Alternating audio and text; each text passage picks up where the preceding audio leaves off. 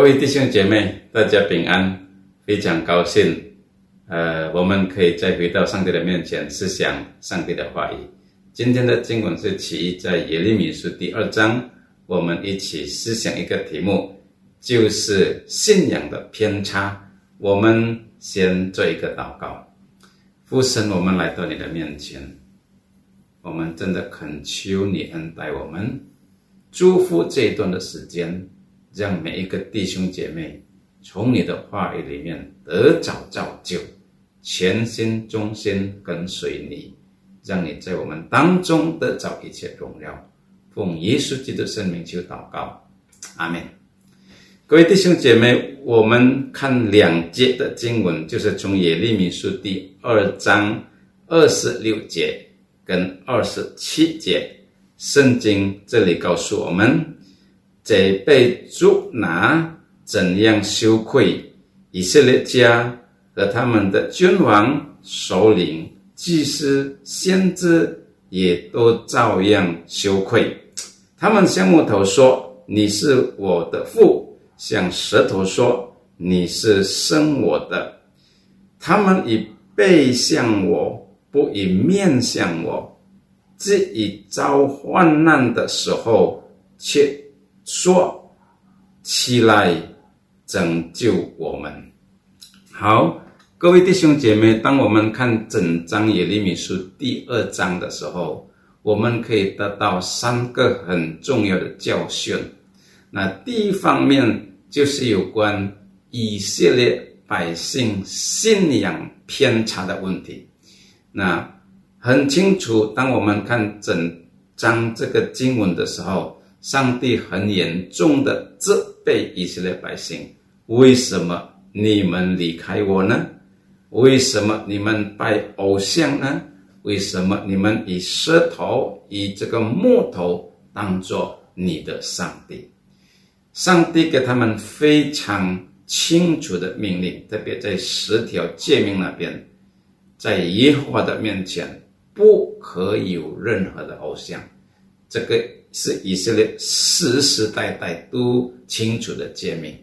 虽然上帝有这样清楚的诫命，但是以色列百姓还是不遵从，他们重复一而再、再而三落在同样的罪过，然后最后他们就被上帝刑罚，被别的国家掳去，他们就被呃国家侵略，而且他们没有办法脱离啊这些的困难，因为他们信仰偏差。那第二点的教训重要的呢？我们要思想为什么他们的信仰会偏差呢？有两个原因，他们的信仰偏差。第一个原因就是他们不忠心，啊，不忠心就等于不全心来跟随上帝，在他们的心目中还有其他的偶像。在他们的思想中，还有其他的神，好像上帝这样的神能够帮助他们，所以他们就很快的被列国的各种的偶像神明啊拉拢，他们就跟随他们拜他们的偶像。虽然上帝差派先知还有他的仆人对他们说话说得很清楚，但是他们都不要听。因为他们的心不专，因为他们没有这样把生命委身在上帝的啊诫命里面。那当我们看以色列百姓的时候，他们这样啊偏差信仰的时候呢，因为他们也没有这个专心来跟随上帝。那第二点，为什么他们的信仰会偏差呢？是因为。呃，领袖没有好的榜样，领袖先偏差，领袖先拜偶像，就引起啊，这个整个百姓也是落在同样的罪过。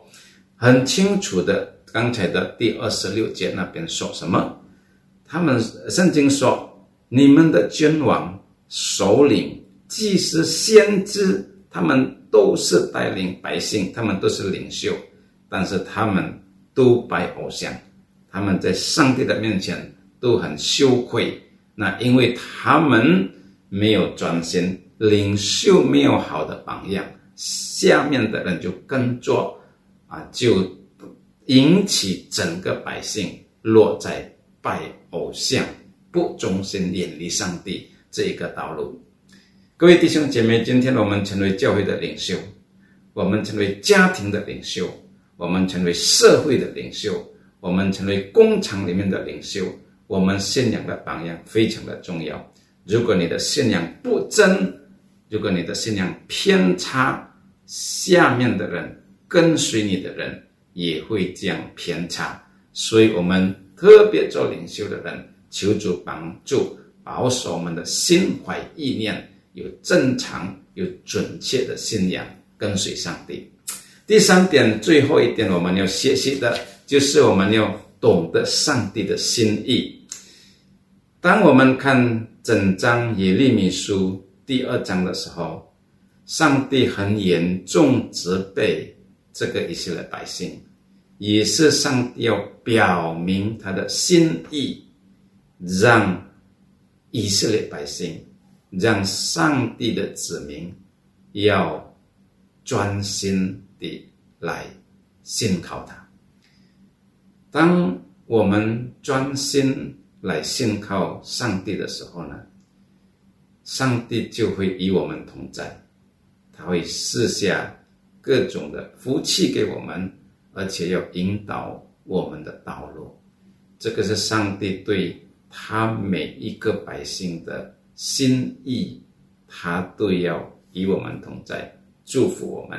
好像他对耶稣亚在耶稣亚记第一章第七节那边告诉我们：若你专心跟随我，顺从我的命令，我就与你同在，祝福你。你一切走的路，我要使你顺利成功。各位弟兄姐妹，这个是非常重要的应许。也是上帝预备给我们一个很好的福气，让我们透过今天的事情来到主的面前审查自己。若我们的心灵有什么偶像，我们要快快把它挪去，把它拿走，让我们能够全心专心，而且一生蒙上帝祝福。我们低头祷告，亲爱的父神，我们感谢你来到你的面前，可以思想你的话语。求你祝福每一个弟兄姐妹，也是审查我们的心灵。若有什么偶像，求你除去，帮助我们真的懂得你的心意，远离偶像，专心跟随你。我们求你与我们同在，带领我们前面一生的道路，也是大大的祝福每一个专心跟随你的人。垂听我们祷告，奉了耶稣基督圣名求，阿门。愿上帝祝福大家，阿门。